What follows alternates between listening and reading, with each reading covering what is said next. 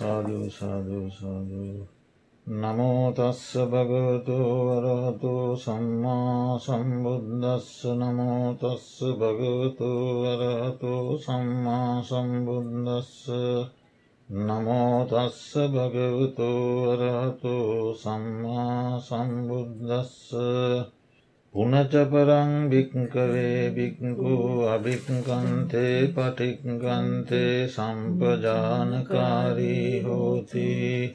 ආලෝකිතේ විඩෝකිතේ සම්පජානකාරී හෝති। සම්මින්ජිතේ පසාරිතේ සම්පජානකාරී හෝතිී।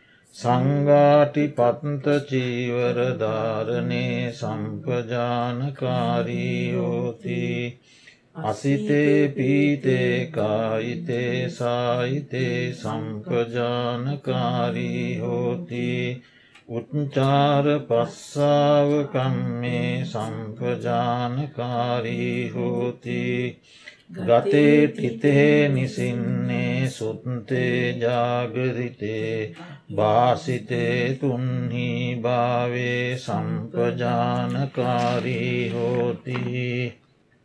ඉති අජ්ජත්තංවාකායේ කායානු පස්සී විහරති. බහින්දාවාකායේ කායානු පස්සී විහරති. අජ්ජත්ත බහින්දාවාකායේ කායානු පස්සී විහරති. සමුදය දම්මානු පස්සීවා කායස්මින් විහරති. වයදම්මානු පස්සීවා කායස්මින් විහරති. සමුදය වයදම්මානු පස්සීවා කායස්මින් විහරති. අත්තිකායෝතිවා පනස්සස සතිපච්චු පට්ටිතා හෝති යාවදේවඥාන මත්තාය පතිස්සසති මත්තාය.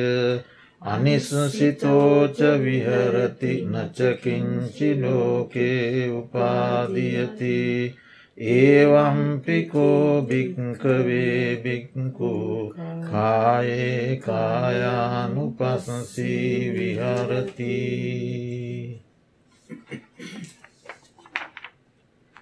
දැන් සතිපට්ටාන සූත්‍ර දේශනාවේ තුන්වන කොටස. ආයානු පස්සනාවට අයිති භාවනා මනසිකාර දාහතරෙහි තුන්වෙනි මනසිකාරය තමයි අපි ඒ දේශනා කළේ. ඒ කොටසට කියනවා සම්පජඥ පබ්බ කියලා. සම්පජඥ පබ්බ කියන කොටස. අර අපි මුලින් ඉගෙනගත්ත ඉරියාපත කොටසේම තව දිගුවක් මේක.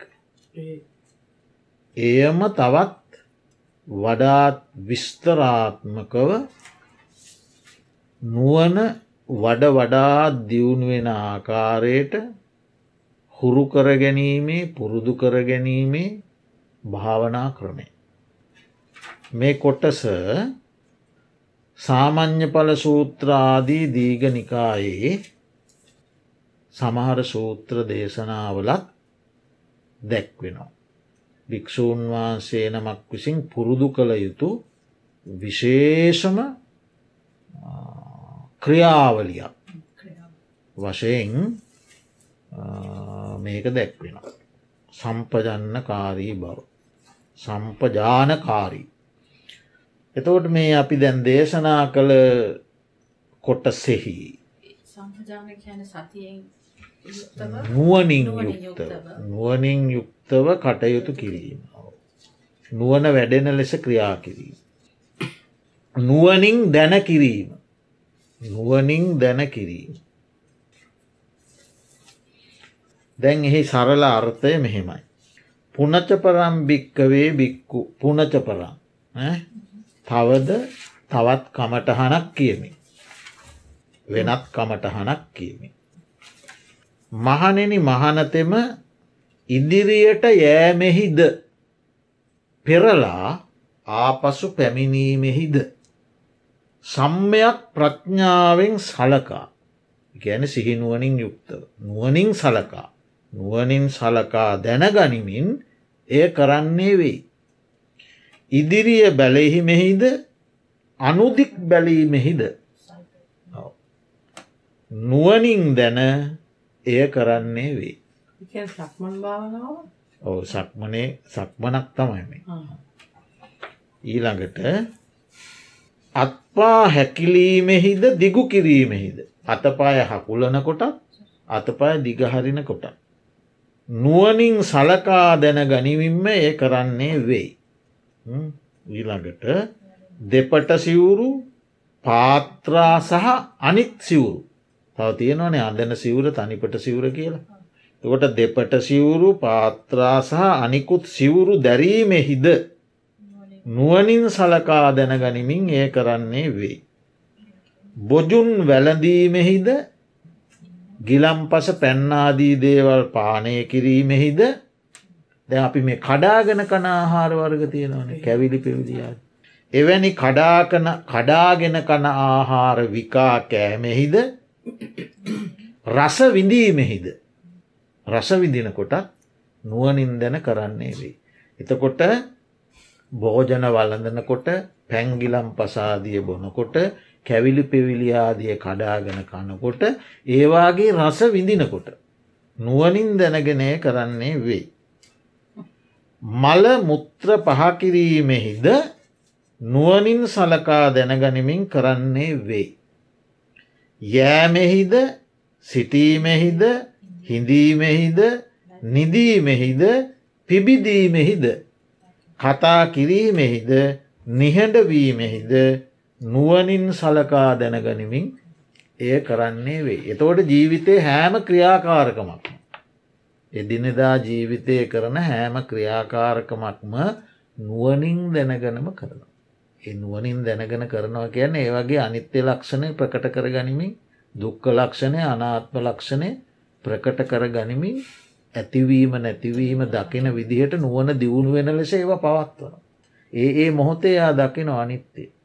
ඒ මොහොතේ අනිත්‍යය දකිනකොට එයා දකිනො මේ අනිත්‍ය දෙයක් කල්ලා ගැනීම මේක කෙරෙහි තියෙන චන්දරාගෙන් තමයි දුක හටගන්න. මෙතෙක් ජීවිත සංසාරය දුක හටගැත්ත මේවා චන්දරාගෙන් අල්ලා ගැනීම. එනිසා මේ ලෝකයේ පවතින්නේ දුක මතයි කියලා එයා දකිනවා. දුක්කේ ලෝකෝ පතිට්ටිතු. ලෝකයේ පවතින්නේ දුක මත. කියල බුදුහාදුරු දේශනා කළේයයි. එතකොට මේ හැම දෙයක්ම හටගෙන නැතිවෙලා යනවා මෙතන තියෙන්නේ ශුන්‍ය බවක් අනාත්මයි. අතීතයත් එක්කයා සංසන්ධනාත්මක බල නොකෝ මොකක් කන්නේ. මෙතෙක් කාලයක් ආපු මේ ක්‍රියාම ක්‍රියාපටිපාටිය කිසිවන්නේ. හටගෙන නැසීමත් තියෙන්. තෝට අනාත්මය දකින.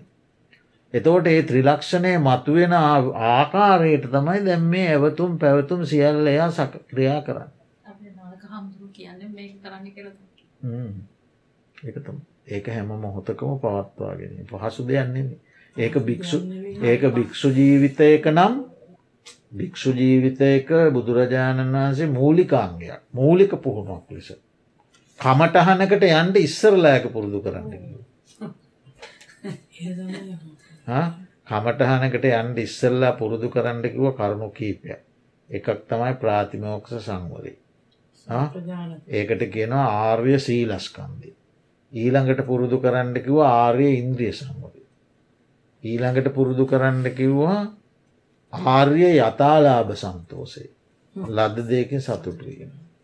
ඊළඟට කරන්න කිව්වා ආර්ය සති සම්පජන්නේ ඔන්න ඕක. තව කමටහනකට ගියනෑ හරි මොනවද ආර්ය සීලස්කන්දය ආර්ය ඉන්ද්‍රිය සංවරය ආර්ය යථලාභ සන්තෝසේ ආර්ය සති සම්පජන්නේ. ඒ ටික පුරුදු කරලා ඊට පස්සේ තම එයා තෝරාගන්නවා විවේක සෙනසුන.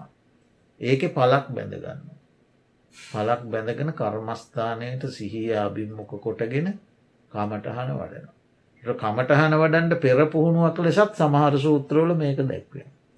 ඒකම භාවනාවක් ඒකම භාවනාවත් ඉතින් බාන දැන් මේ විදිහට කරපුවාම ගාලම් සිහිය එක තැනකට කරන්න හොඳ හොඳ මේකක් වෙනවා එනේ දැන් ඒ විදියට එයා පුහුණුනාම ඊට පස්සේ මෙසේ තමාගේ කයෙහි හෝ කායානුපස්සනාව වඩන සුළුව වෙසේ. දැන් තමාගේ කයේ කායානුපස්සනාව එයා වඩනො මේ ක්‍රමයට. මෙරමාගේ කයෙහි හෝ කායානුපස්සනාව වඩන සුළුව වෙසේ මෙරගාව ගැන අනිත් අයගේ. එයා තමාගේ කය අනුසාරයෙන් අනිත් අයගිකායි දකිනෝ. එයා දැන් තමන්ගේ කයේ දකිනවා මේ කය මේ ජීවත් වෙනවා කියන්න මෙවැනි ක්‍රියා සමූහයක්.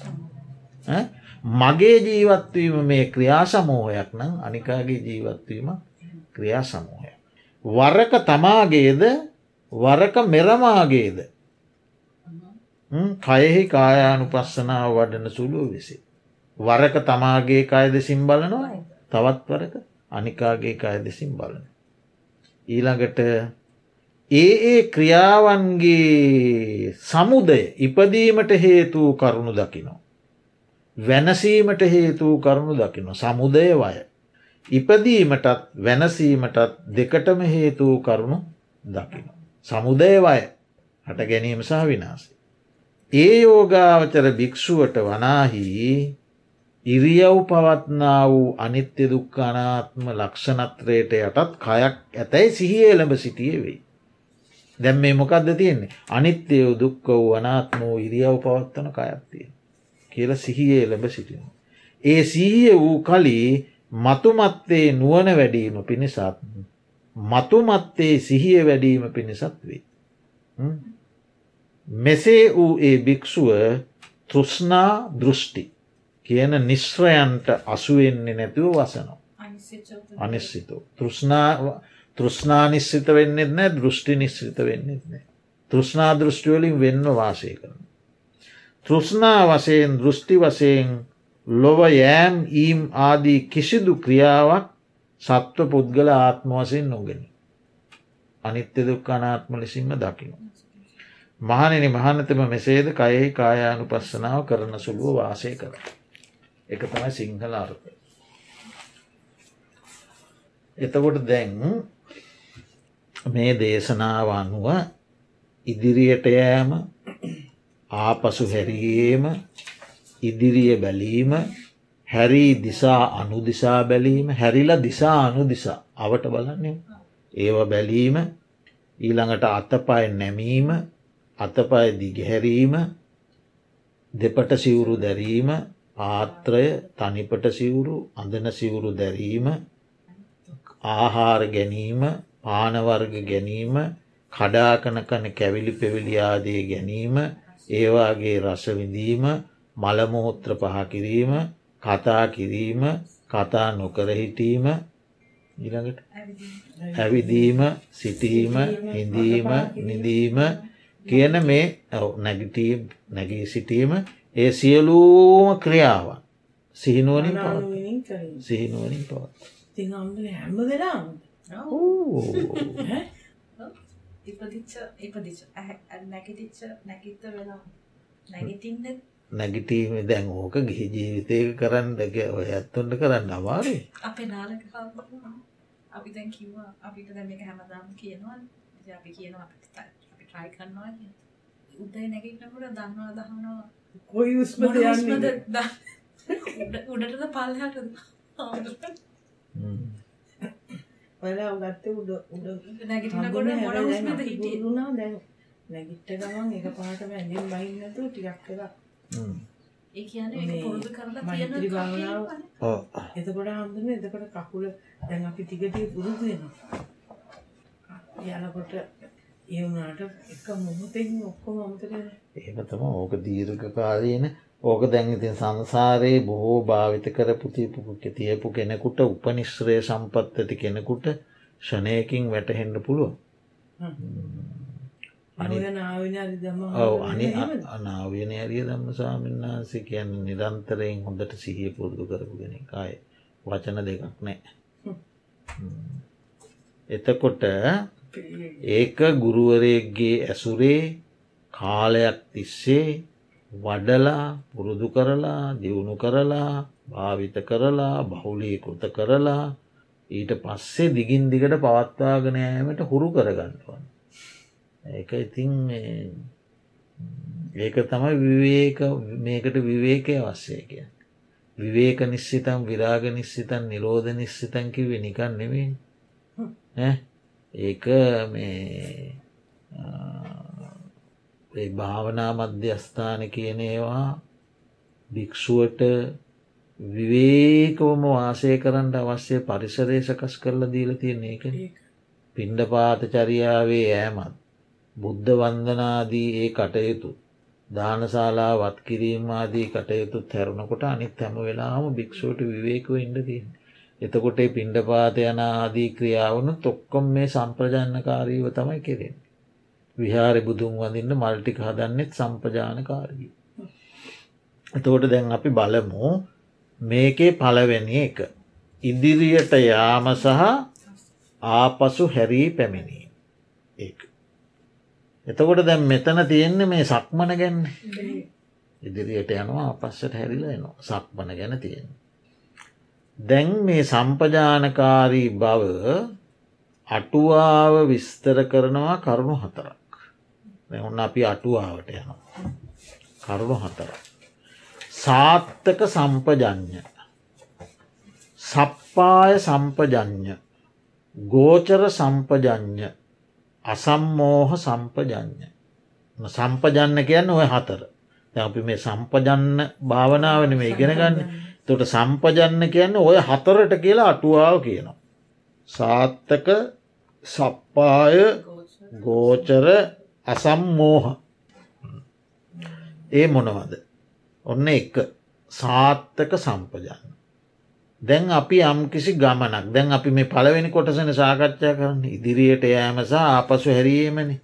එතෝට දැන් අපිට යම් කිසි ගමනක් යන්ට සිතක් උපදිනෝනේ සිතක් ඉපදුන පමණින් ඒ ගමන යන්නේ නෑ හරි? ඒ ගමනේ අර්ථ විමසනවා ඒ ගමන මොකටද මම යන්න? ඒකෙන් මොකට මොකක්ද මට ලැබෙන අර්ථය?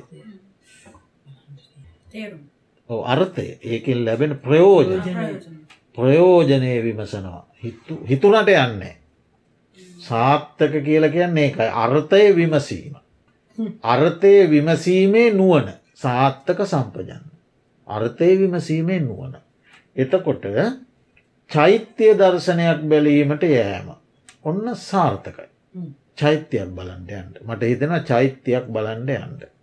එතකොට ඒ චෛත්‍යය දර්ශනය දැකීමෙන් මට බුද්ධාලම්බන ප්‍රීතිය උපදවාගෙන බුදුගුණ මනසිකාරයේ යෙදිලා සමහරවිට ධ්‍යාන ලබල ධ්‍යානෝලින් අනිත්‍ය දුක්ක අනාත්ම තිලක්ෂණය වඩර රහත්තෙන්ට පුළුව. ඒක හොඳයි. ඔන්න අර්ථ සහිත. හරි ඊළඟට බෝධි දර්ශනයක් බලන්ඩයම. ඒකත් බුද්ධාලම්බන ප්‍රීතිය උපදවාගෙන නිවන්දකින්ට උපකාරවන දර්ශනය. ඒක හොඳයි. ඊළඟට සංග දර්ශනයක් බලන්ටයෑම. ස්වාමීන් වහන්සේලා සියක් නමක් වඩිනවා කියලා ආරංචීරුවන් වැඩි මහාසෑයට සංග දර්ශනයක් මාත්‍යයන්ට ඕන සංග දර්ශනය බලන්න. තිං උන්වහන්සේලා බෝම පිළිවෙල්ට සඟල සිවුර පෙරවලා උන්වහන්සේලා සංසුම් ගමනින් වඩිනවා උන්වහන්සේලා බොහෝම කැපසරුක් පරිදි සිවුරු කරවලා සාන්තයි. උන්වහන්සේලාගේ දැක්ම බොහොම ප්‍රසන්නයි. උන්වහන්සේලාගේ ඉරියව් පැවැත්ම බොහොම ප්‍රසන්නයි. උන්වහන්සේලා ඇස්සි අටහෙලා බලාගෙන බොහොම සංසුම් පියවිගමනින් වඩිනවා. ඒ වඩින දර්ශනය දැකීමත් බොහොම ප්‍රසන්නයි. ඔන්න හොදයි සංග දර්ශනයක් බලන්ඩ යෑම. සාර්ථකයි. ඊළඟට තේර දර්ශනයක් බලන්ඩයෑම ඔන්න ආරංචයනවා තේර භික්ෂුවක්. ඒම නැත්තන් තේර භික්‍ෂූන් කීප නමක් අසවල් විහාරයට එනවා මට ආරංචයක් ලැබෙනවා. තේර භික්‍ෂූන් කීප නමක් එනවා. ඉති ඒක හොඳයි ඒ තේර භික්‍ෂූන් හමුවෙන්ට ගියාම ඒ තේර භික්‍ෂූන් අපිව හිස්සතින් එවන්න අපි නවකයෝන ඒ තේර භික්‍ෂූන්ලා. ස්තවීර භික්‍ෂූන්.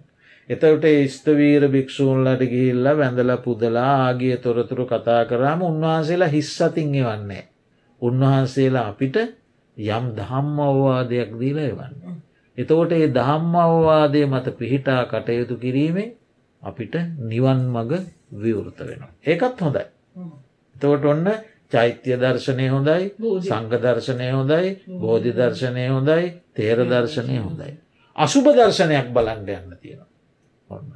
මලකුණක් තියෙනව කොහැරි. ආරංචියක් කෙන දායකෙක් ඇවෙල්ල කියන හාමුදුරුවනි ඔබවහන්සේලාට අසුභ දර්ශනයක් තියෙනවා අහවල් ගමේ බලන්ට වඩින්ට. බොහොම හොඳ දෙයක්. තකොට ඒ අසුභ දර්ශනය බලලා ඒ මලකුණේ නිමිත්ත හිතට අරගෙන ඒ අසුභ දර්ශනය ඒ නිමිත්ත ආශ්‍රය කරගෙන අසුභය වඩල අසුභයෙන් ප්‍රථම අධ්‍යානය උපදවාගෙන ඒ විදර්ශනාවට හරවල නිවන් දකිින් පුල අසුභ දර්ශනය බලන්ට යන එකත් හොඳයි. එක තරුණ ස්වාමීන් වහන්සේ නමක් සාමනේරයන් වහන්සේ නමක් එක්ක ගමනක් වැඩිය. සාමනේරයන් වහන්සේ තමයි තරුණ ස්වාමීන් වහන්සට උපස්ථාන කරන්න. එකන්නේ උන්වහන්සේලාට උපසම්පදා භික්‍ෂූත්වය ඉඳගෙන කරන්න බැරි දේවල් තියෙනවානේ. යමක් පිළිගන්න ගණ්ට ඕන සාමනේරය ලවා. දත් මැදගණ්ඩ දැහැට්ටක් කඩාගණ්ඩ ඔන්න උපසම්පදා භික්ෂුවට දැහැට්ටක් කඩන්ඩ බෑ සාමනේරය ලව කඩවාගණ්ඩුව. එනිසා අතවැසි සාමනේරයෙක් එක්ක යනවා. ගියාම සාමනේර ස්වාමීන් වහන්සේ යම් කිසි වුවමනාවකට මොහොතක් තරුණ හාමුදුරුවන්ගේ බැහැරට ගිය. බැහැරට යනකොට ඒ සාමනේර හාමුදුරුවන්ට දකිින්ට ලැබුණ අසුබනිමිත. අසුභ දර්ශනයක් දකින්නට ලැබුණ මලකුණක් ගෙනත් දාලා තිබ්බ කියමකු දකින්නට ලැබුණ. සාමනේර හාමුදුරුව එතෙන්දී මේ අසුභ දර්ශනය මෙනෙහි කර. ඒ දර්ශනයයි තමන්ගේ ජීවිතය සසඳා බැලුව. මගේ ජීවිතය මේ ජීවිතය යම්සේද මගේ ජීවිතයටත් එසේ වෙනවා. මගේ ජීවිතය දැන් යම්සේද මේ ජීවිතයත් කලක් කෙසේ තිබ්බ. දැම්මං කනවා බොනවා අඳිනවා යනවා එනවා මේකත් කලින් කෑව බිව්ව ඇන්ද ගිය. දැන් ඒකට යන්ඩ බෑ. දැන් ඒකට යන්ඩ බෑ ඉදිමිලා නිල්වෙලා ඕජා වැකිරෙනවා. මටත් කවදහරි ඒ තත්වයට වෙනවා. උන්වහන්සේ ඒකයි මේක සැසඳුව. සසඳා බල්ල උන්වහන්සේ දිහානය ලැබූ. ප්‍රථමධ්‍යානය ලැබූ. උන්වහන්සේ ධ්‍යානය විදර්ශනා කළ. ධ්‍යානය මත පිහිටලා විදර්ශනා වැඩුව. සෝවාන් සකදාගාම අනාගාමි පලයට පත් වුණ. ඒ එතන මෙතනවා. උදට උන්වහන්සේතකොට උපසම්පදා නෑ නෑ උපසම්පදාවෙන් ඕන යනාගාම ඒක වෙනම දෙයන්. උන්වහන්සේ දැන් සාමනයර භික්ෂුව දැන් අනාගාම. දැන් තරුණ හාමුදුරුවන්ට වුවමනාවක් වුණා දැහැට්ටක් පිළිගන්න ගන්න. කෝ මේ සාමනේරය නම කියලයි කතා කර. උන්වහන්සේට ඇහුණා. වැඩි දුරක නෙමේ. උන්වහන්සේට ඇවුණ උන්වහන්සේ කල්පනා කළා ඉතුරු මාර්ග පලය ලබාගන්නවාද දැන් අනාගාමි වෙලානේ නෑ අනාගාම වෙලා දැඟින් හරිද දැන් තව උන්වහන්සේට ලබන්ඩ තියෙන එක පලයයි. ඒ තත්ත්වයට පත්වෙනවද ආචාරය මේ හාමුදුරන්ගේ වත කරනවාද. හරි දැන් උන්වහන්සේට ප්‍රශ්නයක් බතුුණ. ඉදැන් උන්වහන්සේ ඉතිරියකට ඉතිරි මාර්ගය සම්පූර්ණ කිරීමට ආසය කටයුතු සම්පාධනය කරමින් ඉන්නකොට තමාරය කතා කළි. උන්වහන්සේ එහෙම්ම නතර කල්ලා අර කටයුත්තටාව ඇවිල්ල දැහැට්ට පිළිගන්න. පිළිගන්නලා උන්වහන්සේට කිව්ව ස්වාමීණි අසවල් තැනට ගිහිල්ල පොඩ්ඩක් බලන්ට කිය. අසුභ කතාවක් කිවෙන අසවල් තැනට ගිහිල්ල පොඩ්ඩක් බලන්න කිව්. එතකොට ඒ හාමුදුරුවොත්තේ දැහැට්ටිං විය යුතුේ කටයුතු දැහැටි දතකට මැදීමන ඒවා කරගෙන සාමනේරයන්ගේ මඟ පෙන්වීම යටත එතෙන්ට ගිය. ගිල්ල උන්වහන්සේ බලනකොට අසුභයක්. උන්වහන්සේත්තේ අසුභනිමිත්ත අරමුණු කරගෙන අනාගාමි වුණ. අන්න එතකොට එම අසුභ දර්ශනයක් බලන්ඩ යෑම සප්පා සාත්තකයි. අර්ථ සම්පන්න. එතකොට අන්න ඒ විදිහට චෛත්‍යය බෝධි සංග තේර අසුභ ආදී එවැනි දර්ශනයක් බලන්ට යෑම. ඔන්න සාත්තක සම්පජන්න. ඒ යෑම හොඳයි. ඒක අර්ථ සහිතයි. අර්ථ සම්පන්න ගමන. එතවට සම්පජානකාරී බව වඩන භික්‍ෂුව හිතක් උපන් පමණින් ගමන් යන්නේ නෑ. එයා ඒ ගමනේ අර්ථය විමසන. අර්ථය විමසලා තමයි ඒ ගමන යන්න. ඒකට කියන සාත්තක සම්පජන්න.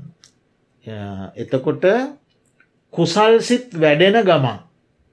එතකොට සීල සමාධි ප්‍රඥා වැඩෙන ගමන්. ආර්ය අෂ්ඨාංක මාර්ගයේ දියුණුවෙන ගමන්. ඒවා හොඳයි. එවැනි හොඳ ගමන් පමණ එහු තෝරගන්න. අවැඩදායක නුවන මොටවෙන සීලය පිරිහෙන යථාර්ථ අවබෝධයට බාධා පමුණුවන හිස් නිස්සාර අර්ථසූන්‍ය අවැඩදායක ගමයි යන්න ඒ අත හැල්ලදා අර්ථවත් ගමයි යන. ඒක අටුවා අදහස සාර්ථක සම්පජන. ඊළඟට දෙක සප්පාය සම්පජඥ. සාර්ථක වනත් අර්ථ සම්පන්න ගමන හොඳයි. සාර්ථක වනත් ඒ ගමන සුදුසුද නුසුදුසුද. කැපද අකපද. හොඳද නරකද. අර්ථයක් වෙනවාද නොවෙනවාද. කියලා නුවනින් විමසා බැලීමට කියනවා සප්පාය සම්පජන්. හොඳද සුදුසුද නුසුදුසුද කියලා නුවනින් විමසා බලන. ඒක කොහොමද. අපි කියමු චෛත්‍යයක් බලන්ට යනයක හොඳයි. චෛත්‍ය දර්ශනය හොඳ දෙයක්. හැබැයි සිය දහස් ගණන් දස දහස් ගණන් ජනයා එකතු වෙන දවස් තියෙනවා. අපි කියම රුවන්වෙලිසෑ දස දහස් ගණන් ජනයා එකතු වෙන දවස් තියෙනවා. ඒ දිනයට විවිධ පලාත්වලින් විවිධ ආකාරයේ විවිධාකාරයේ අදහස් ඇති සද්ධහා ඇති ඇත්තොත්තිනවා සද්ධාන ඇති ඇත්තොත්තිනවා නේද නොමනා විදියට ඇඳගත්ත ඇත්තොත්තිනවා. විවිධාකාරා එතෙන්ට එනවා. විෂභාග පුද්ගල වෙනවා. විෂභාග පුද්ගලයෝ කියන තමන්ගේ ඇසුරට නුසුදුසුවයි. තමන්ගේ සද්ධාදී ගුණධර්ම පිරිහීමට හේතුවන. ඉතින් අන්න එවැනි දවසක් දැන් චෛත්‍ය දර්ශනය හොඳයි බෝධි දර්ශනයත් හොඳයි. හැබැයි තමන්ට අන්ට සිද්ධ වෙන්නේ එවැනි දවසක් නම් අන්න එතෙන්දි කල්පනා කරන්න ඕන මේ බොහෝ ජනය එකතු වෙන තැනකට මයි යනයක හොඳනෑ එක සප්පායනය මට. මට සිහිනුවන එතන පවත්වන්ට බෑව මහා ජනයා මැද මට සිහිනුවනින් මේ වැඩේ කරගන්න බෑ. මට චෛත්‍යය වන්දනාව සිහිනුවනින් කරගණ්ඩ බෑ මේ දස දහසක් මිනිසු අතර. ඇත්තටම බෑ හරි. එතවට එයා කල්පනා කරනවා එයා බලන සප්පායද දැන් චෛත්‍යය දර්ශනය සාර්ථකයි. හැබැයි සප්පායද සප්පායද කියල බලන. බෝධි දර්ශනය හොඳ දෙයක් අර්ථ සහිතයි. සාර්ථකයි.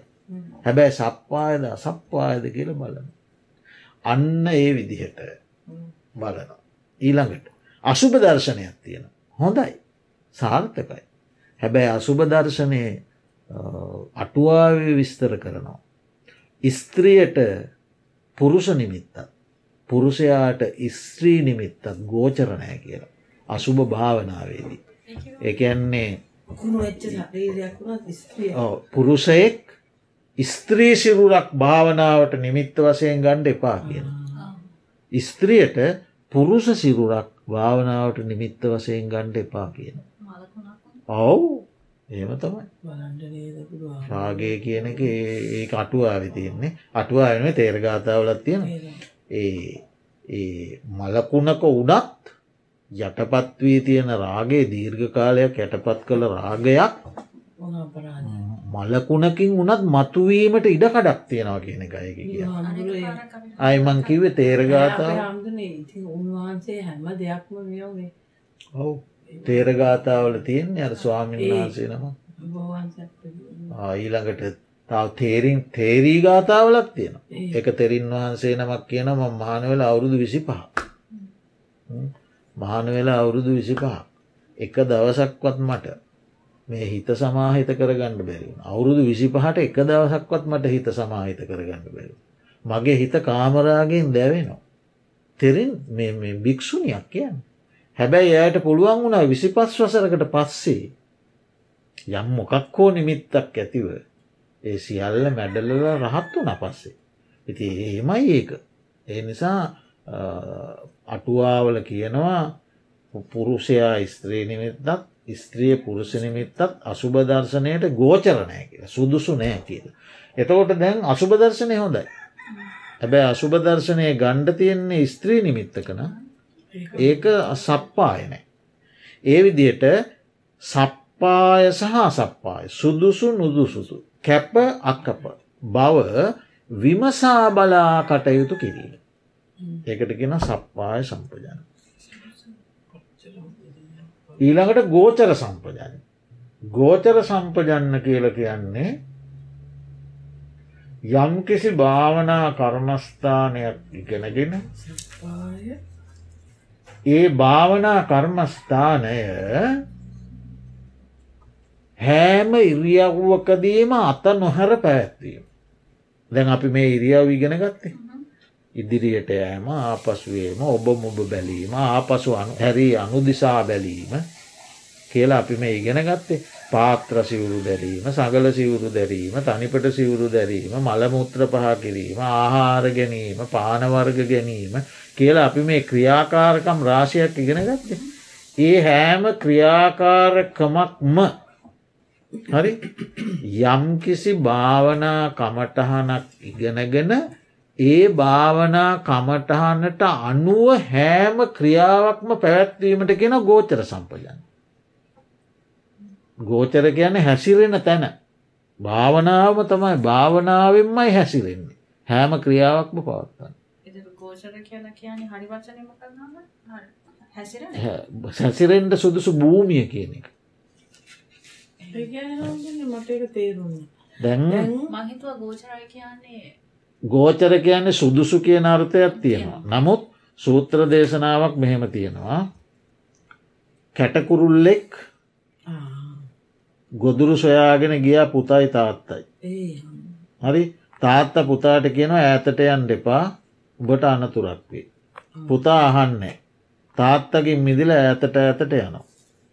ඈතට ඇතට යනකොට ගිජුලිහිනෙක් ඇවෙල්ල කැටි පැටිය අල්ලගන්න. ගිජුලිහිනිය අඩනෝ. මම තාත්තගේ භූමියේ ගෝචර භූමිය කියල ගැන තාත්තාව අඩනෝ කැටකුරු පැටිය. මම පියාගේ ගොදුරු බිම ගෝචර භූමි ගැන ගොදුරු බිම හරි පියාගේ පියා ගොදුරු සොයන බිමතියෙන් ඒ ගොදුරු සොයන බිමේ හිටියනම් මට මේ විපත වෙන්නේ නෑ. එතවට ආන උඹගේ පියා ගොදුරු සොයන බිම කොතනද කියලා. ඉට පස කෙන ගොවියන් සීසාලා කැටනැංග තැන. ගොවියෝ සීසාන්‍ය මෙහෙම එතවට ඕම කැටනගින්න එතන කියන.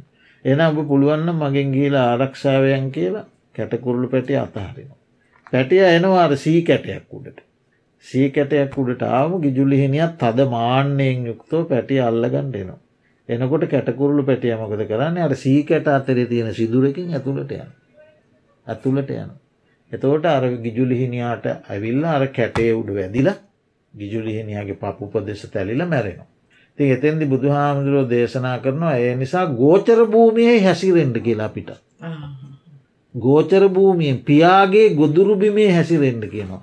භික්‍ෂුවත් පියාගේ ගොදුරුබිමේ හැසිරෙනවා නම් මාරයාට ඉඩක් ලැබෙන්නේ නෑ.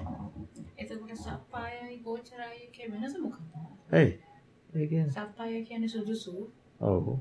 සප්පාය කියන්නේ මේ ගමන සුදුසුද මේක සුදුසුද අසුබේ මේක බලන්ඩ මේ යන එක සුදුසුද. ගෝචර කියන්නේ භාවනා කමටහනක හිත පැවැත්වී. භාවනා කමටහනක සිත පැවැත්වීම. ඉති චෛත්‍යය බලන්ට භාවනා කමටහන නැතුව යන්ඩත් පුළුවන්. තේර දර්ශනය බලන්ට භාවනා කමටහන නැතුව යන්ඩත් පුළුවන්. අසුභ දර්ශනය බලන්ට නිකම් හොයන්ඩත් පුළුවන්. එහෙම නෙමේ මේකයන් මේක ගෝචර භාවනා කමටහනක සිත පවත්වමින් ඒ කමටහන අත නොහැර යනවා. අතහරින්නෙම නෑ. හෑම ඉරියව්වකම ඒ භාවනා කමටහන තමයි යන්න. එතවට බුදුරජාණන් වහන්සේ ඒ සූත්‍රයේ දේශනා කළා පියාගේ ගොදුරුබිමේ හැසිරෙනවා නම් මාරයාට ඉඩක් ලැබෙන්නේ. ට පසේ හාමුදුරුව අහනව මොකක්ද පියාගේ ගොදුරු බිම කියල සතිපට්ටාන. සතිපට්ටානය නම් ගොදුරුබිමේ හැසිරෙනවන මාරය ඉඩල්ල බන්නේ. ඒ ගොදුරුබිමින් පිට යනකොටම මාරය ඉඩල්ල බන එතන මාරය තමයි ගිජුල්හිනිය. කැටකුරුල්ල තමයි භික්‍ෂු. ඒ නිසා හැම මොහොතකම භාවනාකමටහනකින් යුක්තව හැසිරීමට කියනවා ගෝචර සම්පජන් ගෝචරය. එතවට මේ සම්පජානකාරී කිව්වම් මේක කොච්චර අර්ථ තියෙන ගෝචර. එතෝට දැන් ගෝචර සම්පජන්නේ කියනකොට ඉගෙන ගණ්ඩෝන දෙයක් තියෙනවා අටුවාවේ උගන්නනවා ගත පච්චාගත වත. ගෝචර ඔන්න ගෝචර කියන එක විස්තර කරනවා ගත පච්චාගත වත. ඒක මෙහෙමයි. ගතපච්චාගතව අතපුරණ ක්‍රම හතරක් තියෙනවා. එක ස්වාමීන් වහන්සේ නමක් භාවනා කමටහනකින් යුක්තව පිණ්ඩපාති වඩිනො. හරි එන ගමන් භාවනා කමටහන අතහැරලායන. එන ගමන් ඒදායකයගේ ගුණ කතා කර කරන්නේ බලන්නපු ඒ ඇත්තු. කොච්චර ඉතින් සද්ධාවන්තද ඒ ඇත්තු ඉතින් අපේ අම්මල තාත්තල නෙමේ ඉතින් ඒවුණට සද්ධාවෙන් යුක්තව දන්ටික දුන්න කියලා ඒවගෙන කතා කර කරනවා දැන් භාවනා කමටහන් මතක නෑ. හරිද යනකොට භාවනාව ගෙනනිච්චා එනකොට ගේන්නේ. ඒ එක ක්‍රමයක්. යද්දි ගෙනියනවා එද්දි ගේන්නේ. තව කෙනෙක් ඉන්නවා යද්දි ගෙනියන්නේ නෑ. යද්දි යනෝ භාවනාවක් නෑ ඉතින් සිහිනුවනින් තොරෝ යනෝ. හැබැයි එයාට එහෙ ගියාට පස්සේ ඒ දායකයන් පිළිබඳව හෝ මිනිසුන්ගේ ඒ දුක්පීඩා පිළිබඳව හෝ සිහිනුවන ඉපදිලා එන ගමන් භාවනා කමටහනකින් එනවා.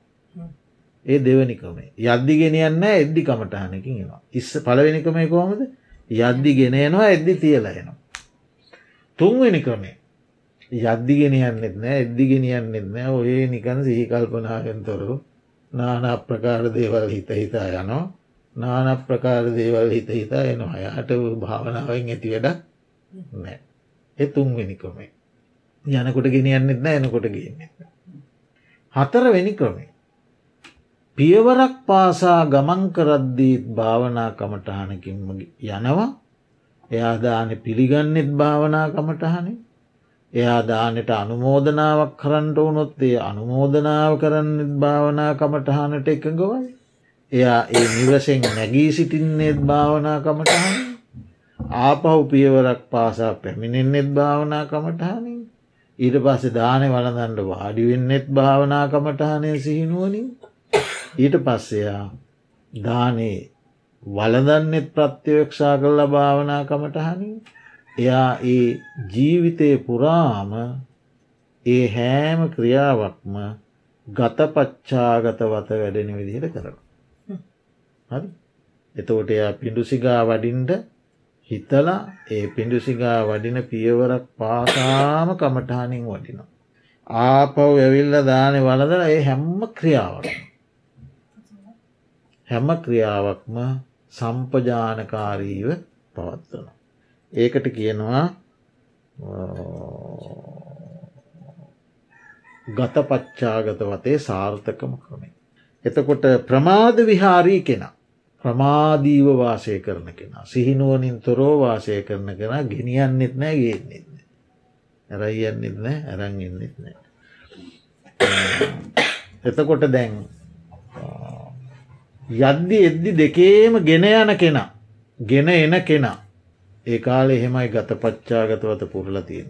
ඒවා ඒ බණ පොත්තොලොය අටුවා ප්‍රතික්ෂේප කරට ඕ බොරු ඕ වැඩන්න ඇකිවට ඒව තියෙනවා අය වඩපු අයගේ චරිත කතා.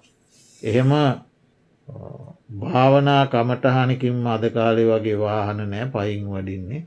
එහෙම වඩිනකොට භික්‍ෂූන් වහන්සේලා හත් අට නම දහ පාලොස් නම එක විහාර ඉන්නවා නීට වැඩියත් ඉන්නවානි එතවට උන්වහන්සේලාහම වඩිනකොට වැඩි මහල් පිළිවෙලට ඔන්න එක භික්ෂුවකට ක්ලේෂයක් ඉපදුනා කියමුක අතර මඟද කෙලෙස් උපදිනවා. එහෙම නතරෙන් අඩියක්වත් ඉස්සරහට යන්න එහෙම නතරෙන්. එතවට පිටිපස්සෙන් ආපු අයත් නතර වෙන. ඉස්සරහාය දන්න ඉස්සරහැන් යන වැඩි හිටිය අය යනවා. අපිගේ මැද එක්කෙනෙකුට ක්ලේෂයක් ඉපදුනා එහැම නතරන. පෙළු පිටිපස්සෙන් එන අයත් නතර වුණ. එතෝට දැන් මේ භික්ෂුව තමන්ට අවවාද කරගන්න දැන්බට කෙලෙස් උපදින බව මේ පිටිපස්සය අදන්න ඕන්න ඒ අය නතර වෙලා නින් දැන් බෝය නතර වුණේ උඹට කෙලෙස් ක්ලේසියක් මොකක්කෝ ක්ලේසිය රාගේම විතරන්නේ මේ ක්ලේසිය ඉපදුන් නිසායි උඹ නතර වුණේ කියලා පිටිපස්සය අයත් දන්නවා ඒ අයත් නතර වෙලා තියෙන්නේ කියලා එතනදීම ඒ ක්ලේසය එයා සමහරයි ඒ ක්ලේෂය එතැන්දීම දුරු කරගෙන මගපලත් ලබන සමහරයි මගපල ලබන්නේ ඒ ක්ලේෂයේ ආදීනෝ මෙනෙහි කරලා ක්ලේෂය දුරු කරගෙන අප පටන්ගන්න යන්න. සමහර එහෙම වාඩි වෙන. වම් මේ ක්ලේෂය දුරුකරගෙන මිනිස් පිණිස මෙතනින් නැගිටින් නෑ කිය. ඒ ගත පච්චාගතවත්. තර අනික්කාය වඩිනවා? අනෑ අනිත්ත ඇතින්. ඕනේ උන්වහන්සේ එහෙම මේ ක්ලේෂය දුරුකරගෙන තමයි නැවත නැගිටිලා වඩින්.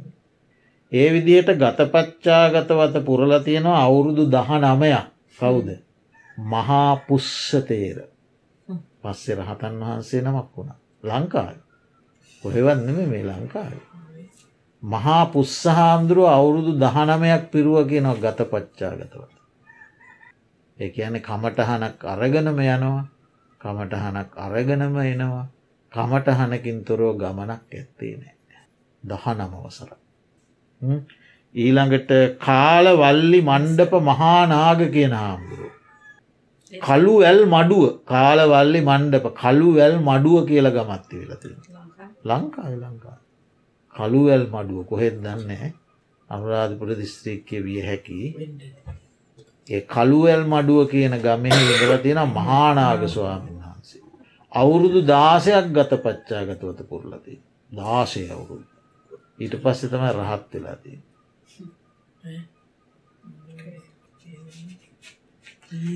එතකොට කොළොම් තොට කියන විහාරේ කොළොම් තොට කියන විහාරයේ භික්‍ෂූන් පණහක් ඉඳල තියෙනවා. ඒ පණහාම කතිකා කරගෙන තියෙනවා මේ වස්කාලයම අපි ගතපච්චාගත වතෙන් තොරෝ වාසය කරන්නේ. මේ මුළු වස්කාලයම වාසය කරන්න අපි ගත පච්චාගත වතේ. ඒ වස්කාලය ඇතුළට පනස් නමම රහත් වෙලා. කොළොම් තොට විහාරය. ඒකට කියනවා හරති පච්චා හරති කියලා. හරති කියන්නේ ගෙනියනවා පච්චා හරති කියන්නේ ආපව් ගෙනනවා. ගෙන යනවා ගෙන එනවා.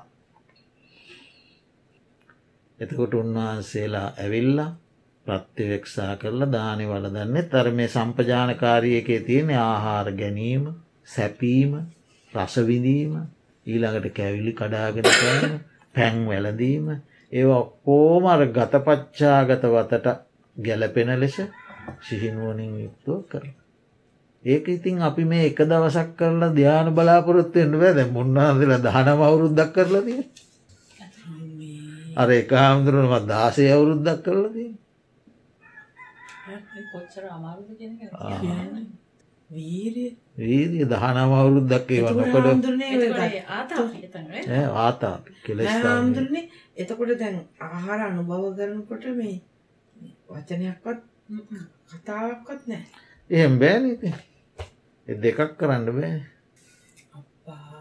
සිහිනුවනින් ආහාර පිඩු කරන්නේ සීනුවනින් කමටහනකින් තොරෝ පිඩු කිරීමක් නෑ. ආහාර මුකේ තුළට ගෙනියන්නෙත් සිහිනුවනින්. ආහාර මුකයේ තබන්නෙත් සිහිනුවනින්. ඒ හැම ක්‍රියාවකම දකිනවා අනිත්‍යතාව. උදේවය දකිනවා. එතකොට එතන තන්හාාවක් නෑන දැන් කෑම ගන්නේ නිකං අර ඔව්. යාගන්න ඕන හිද ඔවු එහෙම තන්නාවක් නෑ. ඕ ඉතින් ඔය හිතන කියන තරන් ලේසි වැඩ නෙවෙයි කියලා තේරෙනවා නෙනේ ලේසින එතකොට හාමුදුරන එතකොටද අපේ බුදුරජාණන් වහන්සේගේ ගෞතම බුද්ධ ශාසනය එක සාමාන්‍යයෙන් තියෙනවාද කොච්චර මාර්ගඵලලාබින් මේ දැන් පන්දාහක් බුද්ධ ශාසනය තියෙනවානේ එතකොට මේ කොච්චර කා එහෙම බේ බුදුහාමුදුරුවන්ගේ දේශනා නෑ ඒවා පසුකාලීන ග්‍රන්ථවල තියෙනවා. මේ කාලෙට විතරයි රාතන් වහන්සේලා ඉන්නේ. මේ කාලයේදී අනාගාමීන් ඉන්නේ. මේ කාලයේදී සෝවාන් ඉන්නේ. මේ කාලෙන් පසේ රෝවාන්න අයත් නැතේ. එම බුදුහාමුදුරුව දේශනා කරලා නෑ. එතකොට මෙන්න මේ විදිහට පෙරබත ආහාරයට පෙර. පසුබත ආහාරයෙන් පසු. පෙර යම උදෑසනක උදේ කාලේ. පසු යම හවස්කාල ඔය හෑම යාමේකම පෙර බත පසු බත බතෙන් පෙර බතෙන් පසු. අරුණ නගින්ට පෙර අරුණ නැග්ගාට පසු. මධ්‍යාහනය මධ්‍යාහන්නයෙන් පසු. මේ හෑම කාලේම හෑම අවස්ථාවක මේ භාවනා කමටහනකින්ම ජීවිත පැවැත්මට තමයි ගෝචර සම්පජන්නේ ගෝචරය ගෝචර සම්පජන්. ඊළඟට අසම්මෝහ සම්පජන්. අසම්මෝහ සම්පජන්න කියල කියන්නේ දැන් අපි සාමාන්‍ය ජනයා ගමනාදීරිය උපවත්වන්නේ මෝහයින්න. එතන ලෝබ මෝහ දවේශ මෝහ ඕවන වැඩ කරන්න. සාමාන්‍ය ජනය නුවනින් දැනගෙනද ගමයි යන්න. පියවරෝසවනවා පියවර යවනවා පියවර තබනවා. හෙම කතන්තරයන්නේ නේද? සාමාන්‍ය ජනයා ගමම්බිමයි යන්නේ සිහිනුවනින් කර එතකොට ඒ මෝහය දුරුවෙන විදියට. සම්මෝහය මුලාව ආත්ම දෘෂ්ටිය සක්කාය දිට්ටිය එතකොට නීවරණ ඒවා දුරුවෙන විදිහට ඒවා ප්‍රහාණය වෙන විදිහට ඒවා ඉවත් වන විදිහට ඒවා උගුලා දමන්ඩ පුළුවන් විදිහට නුවනින් යුක්තව ඒ ගමන් බිමම් පැත්වීමට කියන අසම්මෝහ සම්පජන්. මෝහය දුරුවෙන විදිහට. ඒ ගැන අනිත්‍ය දුක් අනාත්මාදිය දකිමින්. ක්‍රියාවේ උපත වය සමුදය වය හටගැනීම නැසීම ඒවා දැකමින් පැවැත්වීම. සම්මෝහය දුරුවෙන. උදාහරණයක් කියනවා නම් එසවීමේදී හටගත්ත නාමරූප ධර්මයෝ පාදය ඉදිරියට යැවීමීදී නෑ. එසවීමේදී හටගත් නාමරූප ධර්ම එසවේදීම නැතිවුණ. යවනකොට තියෙන්නේ වෙනත් නාමරූප ධර්මය දැන් පාදයක් දැන් අපි ගමන් යනවා කියලා කියන ක්‍රියාව ඇතුළි ගොඩක් ක්‍රියා තියෙනවාන පාදයක් එසවීමක් තියෙනවා. පාදයක් ඇවීමක් තියෙනවා. පාදයක් පහත් කිරීමක් තියෙනවා. පාදයක් තැබීමක් තියෙනවා. පාදයක් තද කිරීමක් තියෙනවා. අය අනිත් පාදය එසවීමක් තියෙනවා. යැවීමක් තියෙනවා. පහත් කිරීමක් තියෙනවා. තැබීමක් තියෙනවා. තද කිරීමක් තියෙනවා. එසවීමක් තියෙනවා. යැවීමක් තියෙනවා. පහත් කිරීමක් තියෙනවා. තැබීමක් තියෙනවා. තද කිරීමක් තියෙනවා. එතකොට එසවීමේදී හටගත්ත නාම රූප ධර්ම එසවීදීම ඉවරයි. ඒක නුවනින් දකිමින් එතකොට මෝහය නෑ එතන. එතන තියෙන ප්‍රඥාව. එතන මෝහය නෑ.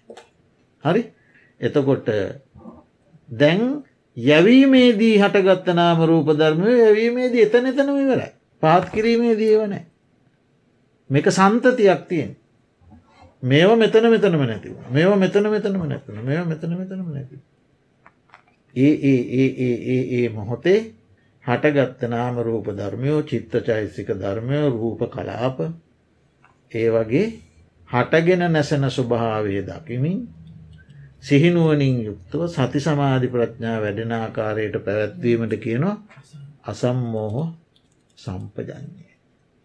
ඒක හොඳට එහෙම පුරුදු වෙනකොට එයාට දැනෙනවල්ලු අතරක් නෑර ගලන ගඟක් වගේ කියලා ජීවිතය.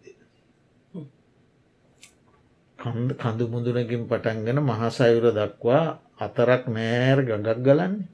මේ ජල මේ දැම් මෙතන තියෙන ජලය ඊළඟ මොහොතනෑ වෙන ජලයක් එතෙන්ට එනවා මේ ජලය වෙන තැනකට එහෙම එහෙම එහෙම එහෙම ක්‍රියාවලියක් නෙවෙන්නේ.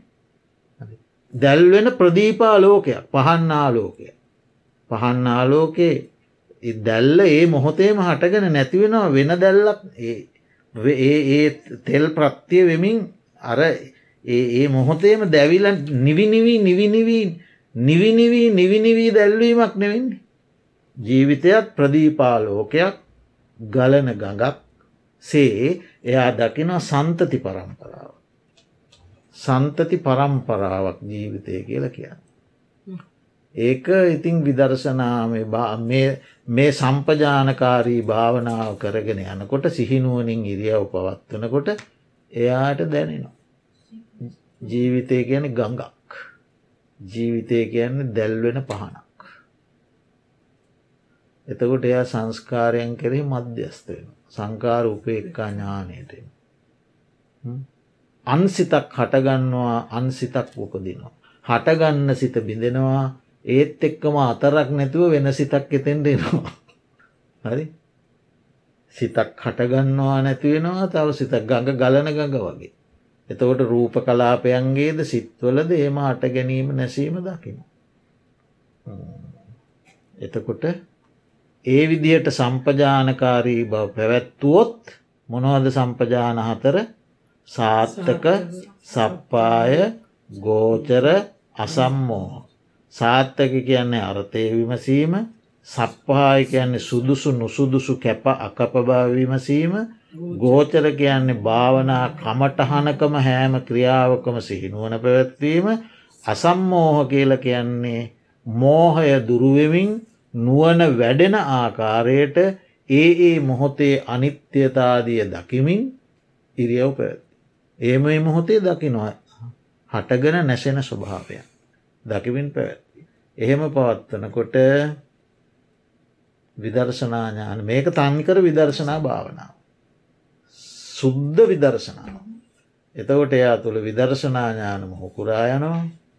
උදයව්වේ දකිනවා භංග දකිනවා බයතු පට්ටාන දකිනවා ආදීනව දකිනවා නිබ්බිධාව දකිනවා මිදනු කැමැත්ත දකිනවා.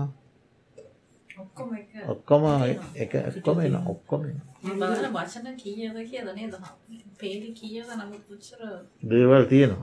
ආමුදුරනේ දැන් සමහර දැන් දැන් මේ මේ භාවනාව වඩන කෙනෙක් කිමු පෙර භවය මේක වඩාගෙන ඇවිල් ඇවිල්ලා අය මේ මේ මේ භවේ භාවනා කරනකොට ඒවා මතක් කලා ඕ උපනිශ්‍රේ.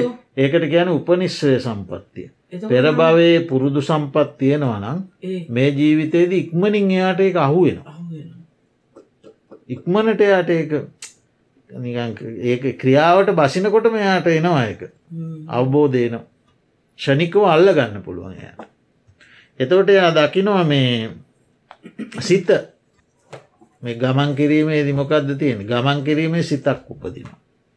එතකොට වායෝධාතුවක් ඒ සිත විසින් චිත්තකිරිය වායෝධාතුව නම් වායෝධාතුව හටගන්න. එ පස්ස ශරීරයේ චලනයක් වෙන. හරි එතෝට සිතයි වායෝධාතුව චලනය විසින් මේ ඇට සැකිල් ඉස්සරහට යන. සිතයි වායෝධාතුවයි චලනයයි විසින් ඇට සැකිල්ල අරහෙට දයනවා මෙහෙට රයන ඉස්සරහට අත ඔසන පස්සට අත අත හකුලෝනො ඉදිරියට අත දිගහරිනවා බෙල්ලෝ මෙහාට හරුවනවා මෙහාට හරුවන ඔබෝහුම් බලන ධාතු මනසිකාරයේදී තියෙන්නේ ශරීරයේ කොටස් හතලිස් දෙකට බෙදලා ඒ හැම කොටසකම සතර මහා ධාතු. දැකීම. හාමුදුරන මේ මේක මේ කොටසෙන් ඔබවහන්ස කියන විදිට විදර්ශනාව වඩලා මේක විදර්ශනා. විදර්ශනා වැඩුවම එයා ඊට පස්සේ දකිනවා මේ දැම් මගේ ගමනාදී ඉරියව් පවත්වන කයත් තියෙන අජ්ජත්ත අජ්ජත්තකයි තමන්ගේකයි ගමනාදීරියාව පවත්වන සන්තති වසයෙන් නොකඩවා පවත්වගෙනෙන කයක් තියෙනවා. ගලන ගගක් වගේ දැල්වෙන පහන්නාලෝකයක් වගේ. බිඳිපිදී බිඳිපිදී බිඳිපිදී බිඳිපිදී ආපව සංස්කාර පරම්පරා එකතුවමින් යන කයක් ඔවු ඊට පස්සේ ඉතින් එයා අජ්ජත්තකය දකිනවා. ඊට පස්සේ එයා දකිනවා බාහිරකය දැන් මගේ තියෙන්නේ ගමනාදීරියාව පවත්වන ඔබ මොබ බලන හකුලන දිගාරින කණබොන ශරීරයක් නම් අනිකාට තියෙන්නෙත් ඒක තමයි. අනිකාගේ අයත් එහෙම දෙයක්. තෝට බහිද්ධාවාකාය. එතෝට වරක අජ්‍යත්තකය බලනවා වරක බහිද්ධාකාය ඒක එහෙම වෙනවා. එ භාවනා කරනකොට වරක තමන්ගේ ශරීරයේ ඔය විදිහට දකිනකොට එයාට බාහිරට හිත යනවා. හරි එතෝට එයා බාහිර බලන ඔයාට පේනවා තිරිසන් තිරිසන්ගේ සතාගේ පටන් මේ ක්‍රියාවන මේ කරන්න කියල එයා දකි නො මේ තිරිසන් සතා පවා එහට එනවා මෙහාට එනවා අරය බලන මෙහබනවා කනවා. තිරිසන් සතා මනුස්සයා දෙවයා ජනාධිපති ගොරොඩියා එහෙම එකක් නෑ යාට ජනාධිපති කොරන්න එත්තෝක රනිල් වික්‍රමසිංහ ්‍රම් කොරන්න එත්තෝ එයා බහිද්ධාවාකාය දකින. අජ්ජත්ත බහිද්ධ දෙකම දකින. වරක අජ්ජත්ත වරක බයි.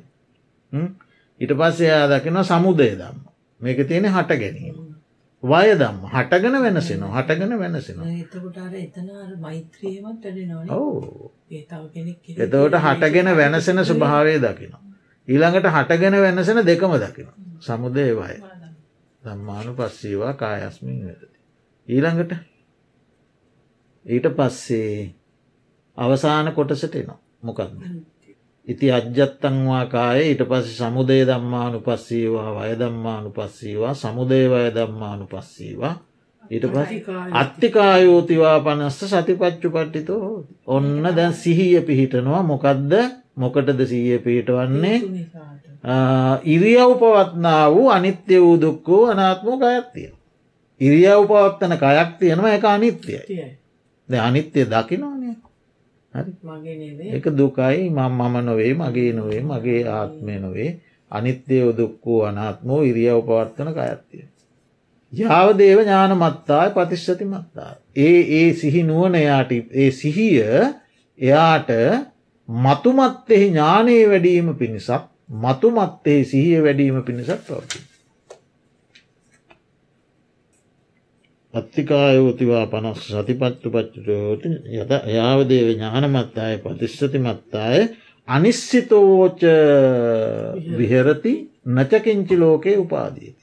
දැන් ඔය විදිහේ දර්ශනයක් එයාට ඇති වුණාම එයා මේ පංචස්කන්දය නම් වූ ලෝකෙහි. එතන ලෝක කියල වචනයක් තියෙනවා.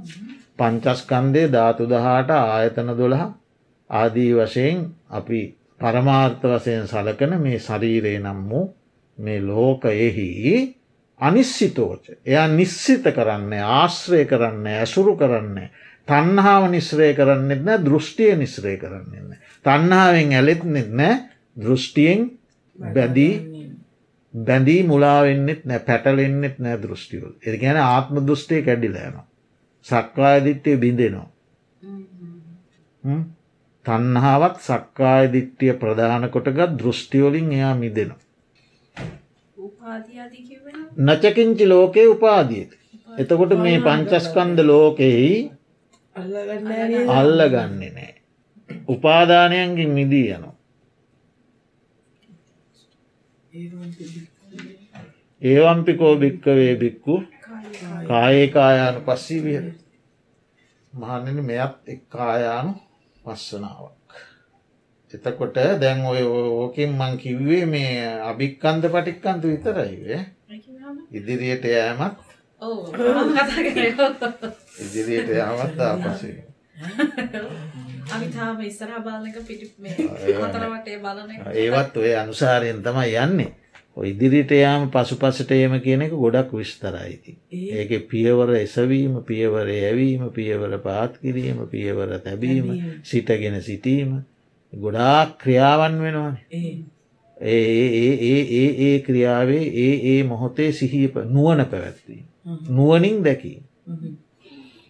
එතකොට ඔය විදිහට යම්කිසි කෙනෙක් දැන් ඕකට මංකිව්වනේ නමක් ගතපච්චාගතවත කියලා.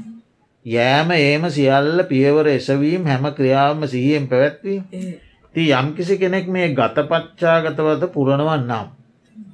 උපනිශ්‍රය සම්පත් තිබුණොත් හරි ඔව උපනිශ්‍රය මේ ජීවිතයේදම නිවන්දකීමට වාසනාව පෙර සංසාරයේ පුරුදු කරපු ගති ඒ උපනිශ්‍රයයාට තියෙනවන එය ප්‍රථම වයසේදීම රහත් වෙනවා.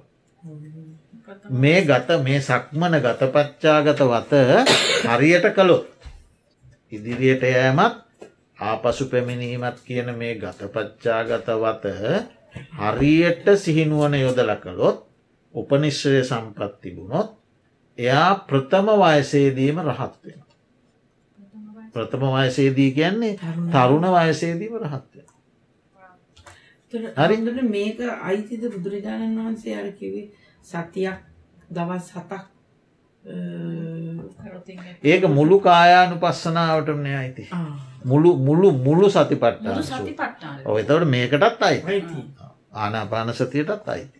හැම එහෙකටමයි එතවට ප්‍රථම වයසේදී රහත් වෙන ගතපච්චා ගතවතින් ඇ ප්‍රථම වයසේදී රහත් නොවනොත් මධ්‍යම වයසේදී රහත් වෙන ඔවු. මධ්‍යම වයසේදී රහත් නොවනොත් මරණ අසන්නේ දී රහත් හරිද මරණාසන්නයේදීත් රහත් නොවනොත් දේවපුත්‍රයෙක් වෙලා රහත් වෙනවා. දිවියලෝකයේ ඉපදිලා රහත් වෙන. හරි දේවපුත්‍රයෙක් පෙළත් රහත් නොවනොත් දේවපුත්‍රයෙක් වසයෙන් දෙව්ලොව ඉඳලා බුදුරජාණන් වහන්සේලා ලෝ පහළ නොවන සමයේ පසේ බුදු කෙනෙක් වෙලා රහත් පසේ බුදු වෙන රහත් වෙනනෙමේ පසේ බුදු වෙනවා. ඔහු ඒ දිවිය ලෝකයේ දේවපුත්‍රයෙක් වෙලා ඉපදිලා රහත් නොවනොත් ඒ දිවිය ලෝකයේ දීර්ඝ ආවිසම්පත් ඉන්දනය කරලා ඇල්ල පසේ බුදුරජාණන්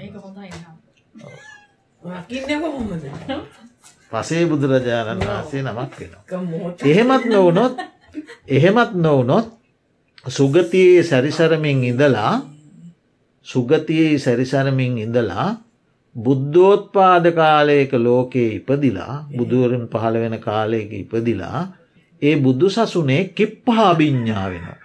කිප්හාභිඤ්ඥා කියලා ගැන වහා චතුරාරි සත්‍යය අවබෝධ කරගන්න. වහා කවුරුවගේ සාරිපුත්ත මහරහතන් වහන්සේ. මුගලම් මහරහතන් වහන්සේ. බාහිය දාවිචි.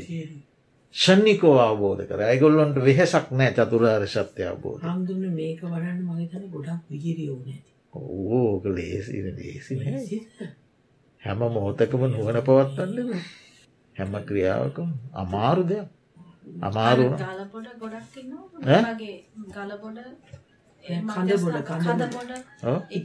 ගොඩක් ගත පච්චාගත මේ මේකෙන් කර මේ රහත් වුණාය නේද හාමුදුරුවෝ? නෑ සෝවන් සෝවාන් වුණා. මන්නම් දන්න ඒ මං එහ ගිහිල්ල නෑ. මං ගිහිල්ල තියෙන මං ඉඳල නෑ. කඳගොඩ ඇවිල්ල එක ගොඩා ලොකු ගොඩා ආරණ්‍ය ඕන පනස් ගඩන්වල පටන් ගත්ත එක.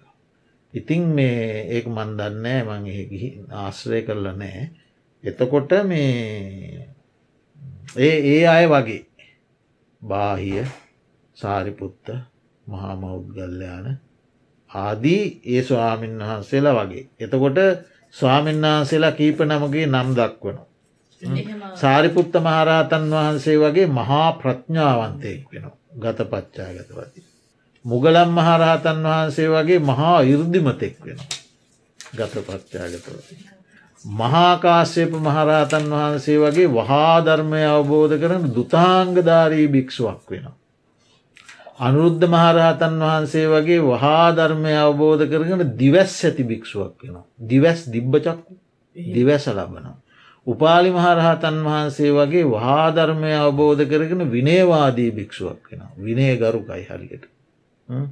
ඊළඟට පුන්න මන්තානි පුත්ත මහරහතන් වහන්සේ වගේ වහා ධර්මය අවබෝධ කරගෙන ධර්ම කතිකයෙක් වෙනවා.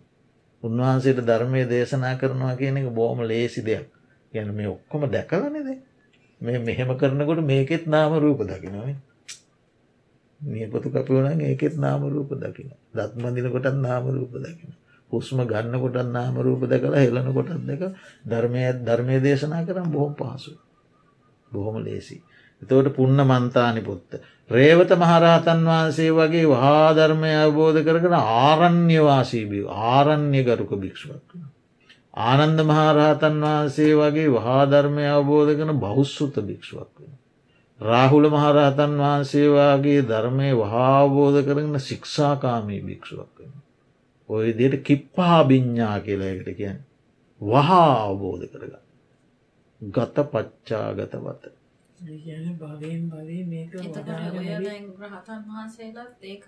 ආ පෙර සසරදී ගත පච්චාගත වත පුරලතිය.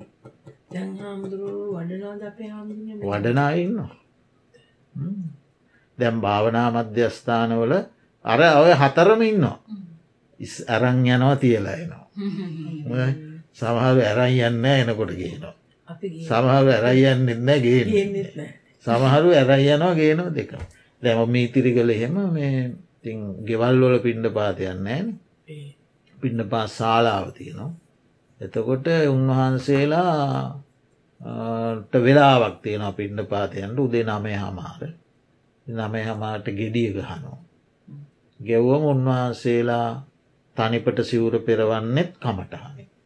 දෙපට සිවුර පෙරවන්නෙත් කමටහනින් පාත්තරේ සෝදන්නෙත් කමටහනින් පාත්තරේ තවිකයට දාන්නෙත් කමටහනි.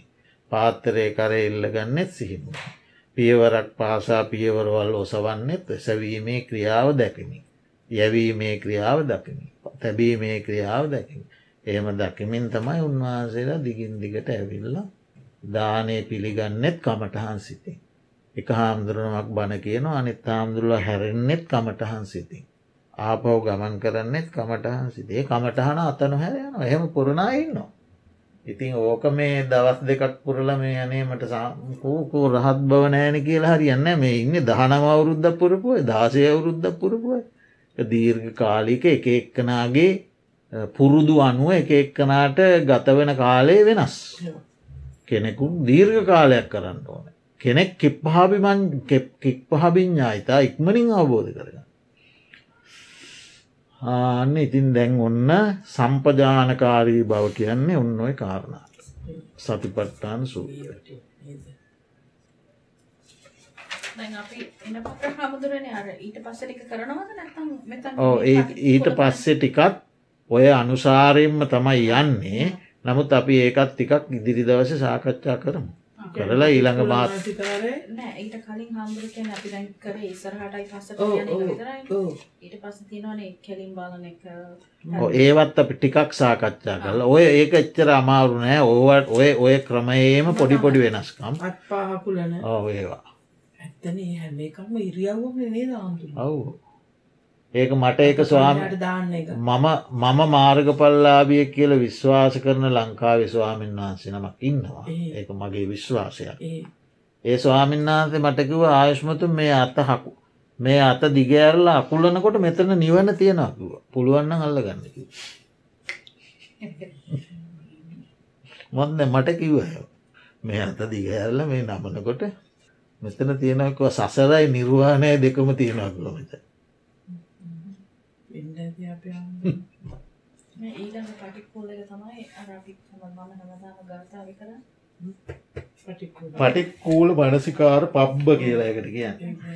යබුතු හාමුදුරනේ දැන් දැන් හාමුදුරන්නේ මේ කියමු. සුවන් මාර්ග පලලාබියක් වෙන්න මට අධිෂ්ඨාන කරගෙන මම අනික්කේ වසියල්ල මමත කරලා ආරණ්‍යයට කට කිහිල්ලා ඒම භාවනා කරන්න ඒම ශක්තියක් තිබුණොත් ඒ ඒක ඉටු කරගන්න පුළුවන් දාපයහම ඕමනාවතිීම පුළුව උත්සාහය වීරිය තියෙනවන